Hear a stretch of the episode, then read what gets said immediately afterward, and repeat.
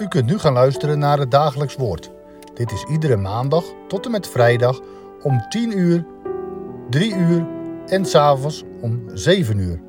Deze meditatie wordt verzorgd door dominee Smit.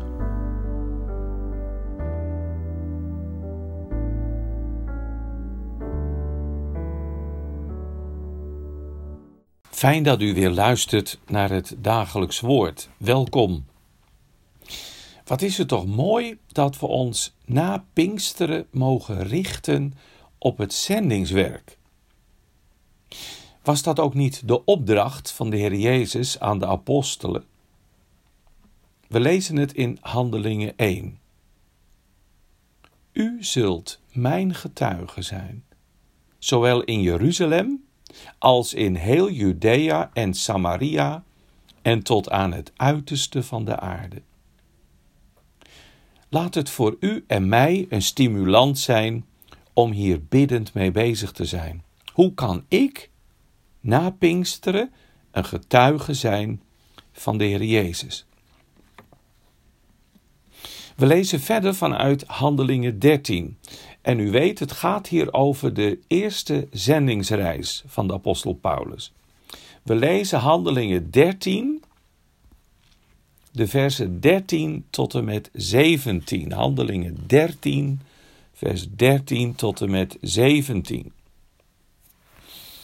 En Paulus en zij die bij hem waren, voeren van Paphos weg, Paphos dat is op Cyprus, en kwamen in Perge aan, in Klein-Azië, een stad in Pamphylië.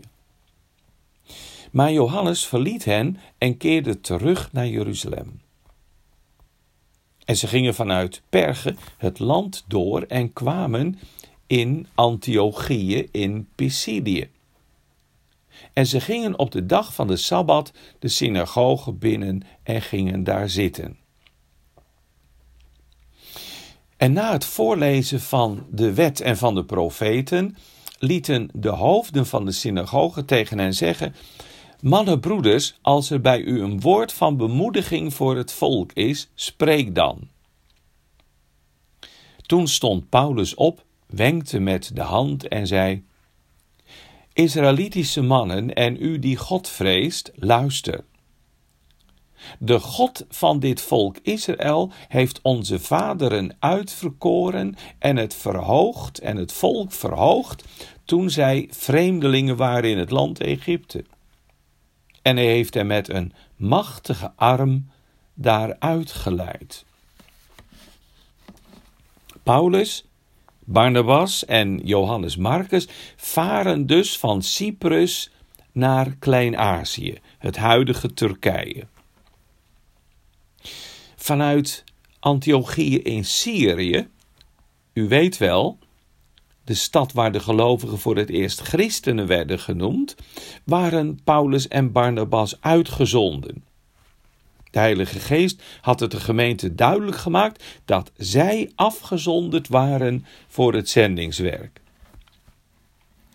Op Cyprus was de stadhouder tot geloof gekomen. En nu voert de weg naar Perge in Pamphylië. Maar ja, dan gebeurt er iets heel pijnlijks. Johannes Marcus, hij is een neef van Barnabas, die ziet het niet meer zitten. Hij gaat terug naar Jeruzalem. Later leidt dit tot verwijdering tussen Paulus en Barnabas. Maar uiteindelijk komt het gelukkig toch weer goed. We lezen in 2 Timotheus 4 en in 1 Petrus 5 dat hij voor zowel Paulus als Petrus veel heeft betekend. Hij is ook de schrijver van het tweede evangelie, het evangelie naar de beschrijving van Marcus. Als we de weg gaan die God ons wijst, dan kun je geconfronteerd worden met moeilijkheden. De boze probeert voortdurend blokkades op te werpen en het werk van de Heer Jezus te vernietigen.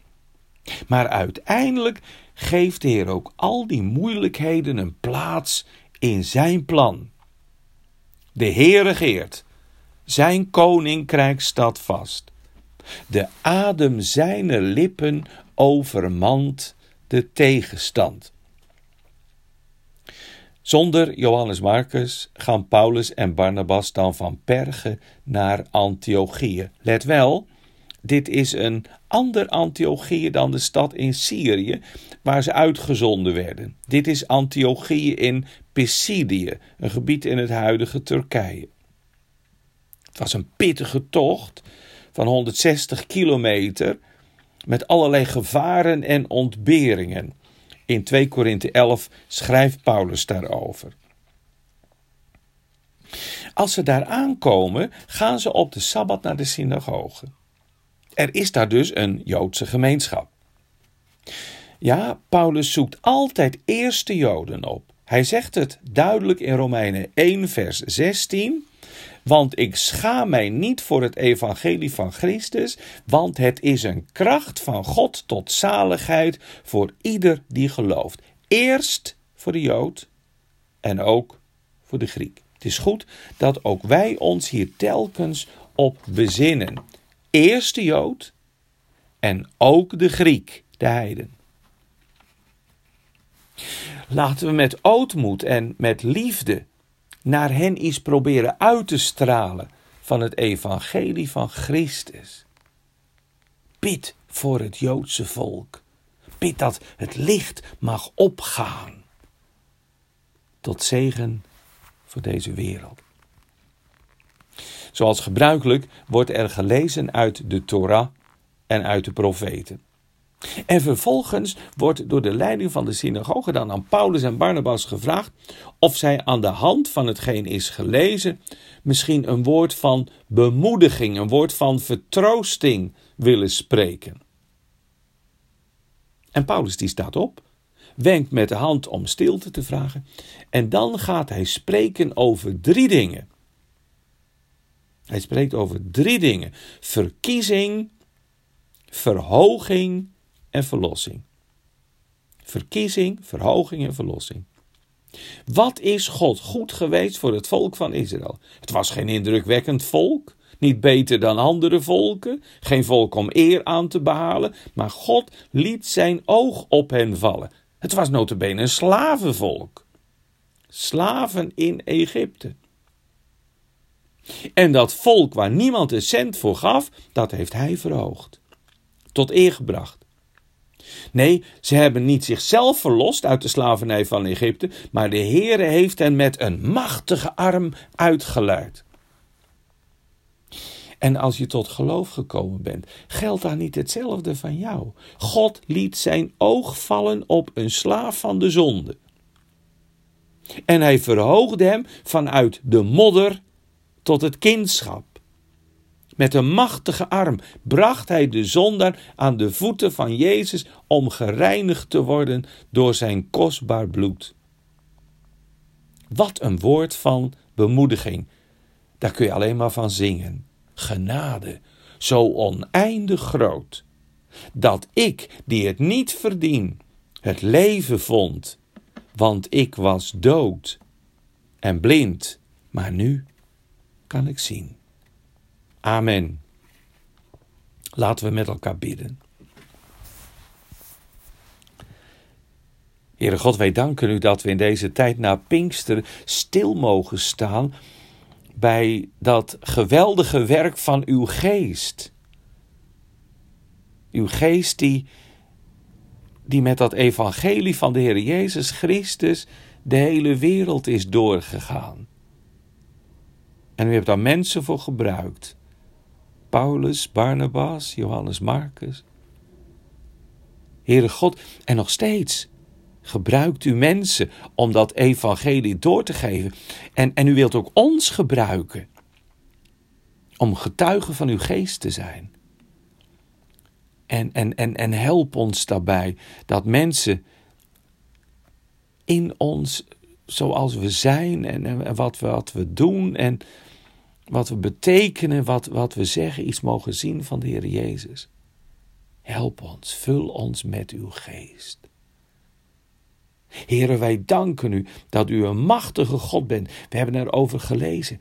U hebt het volk Israël met een machtige arm verlost uit de slavernij van Egypte. U bent de God die verlost. Die mensen brengt vanuit het duister van de, van de zonde, van de dood, in het licht van uw genade. Heren, mogen we daar ook in deze tijd iets van zien, alstublieft. Dat de mensen om ons heen ook tot het licht worden gebracht. Die, die, die aanvankelijk helemaal niks moesten weten van het evangelie van de Heer Jezus Christus. Maar ze zijn gekomen. U hebt ze getrokken. En wilt u ons daarvoor gebruiken. Heren, wij bidden, wilt u bij ons zijn. U kent onze situatie. U kent ons in onze dankbaarheid. Maar u kent ons ook in onze teleurstelling, in ons verdriet. Draag ons door uw kracht. Wees met de zieken, de chronisch zieken, met hen die psychisch lijden, met hen die alleen hun weg gaan. Heer, er is zoveel nood, zoveel zorg. En wilt u alstublieft ook al datgene wat in onze ogen zo kwaad is, nog gebruiken tot, tot de uitbreiding van uw koninkrijk. Here, zegen het volk van Abraham, Isaac en Jacob. Wij als christenen zijn verschrikkelijk tekortgeschoten tegenover dat volk in het verleden. Maar wilt u alstublieft mogelijkheden geven dat we toch iets kunnen laten zien van dat wondere werk van die ene unieke Jood, Jezus Christus.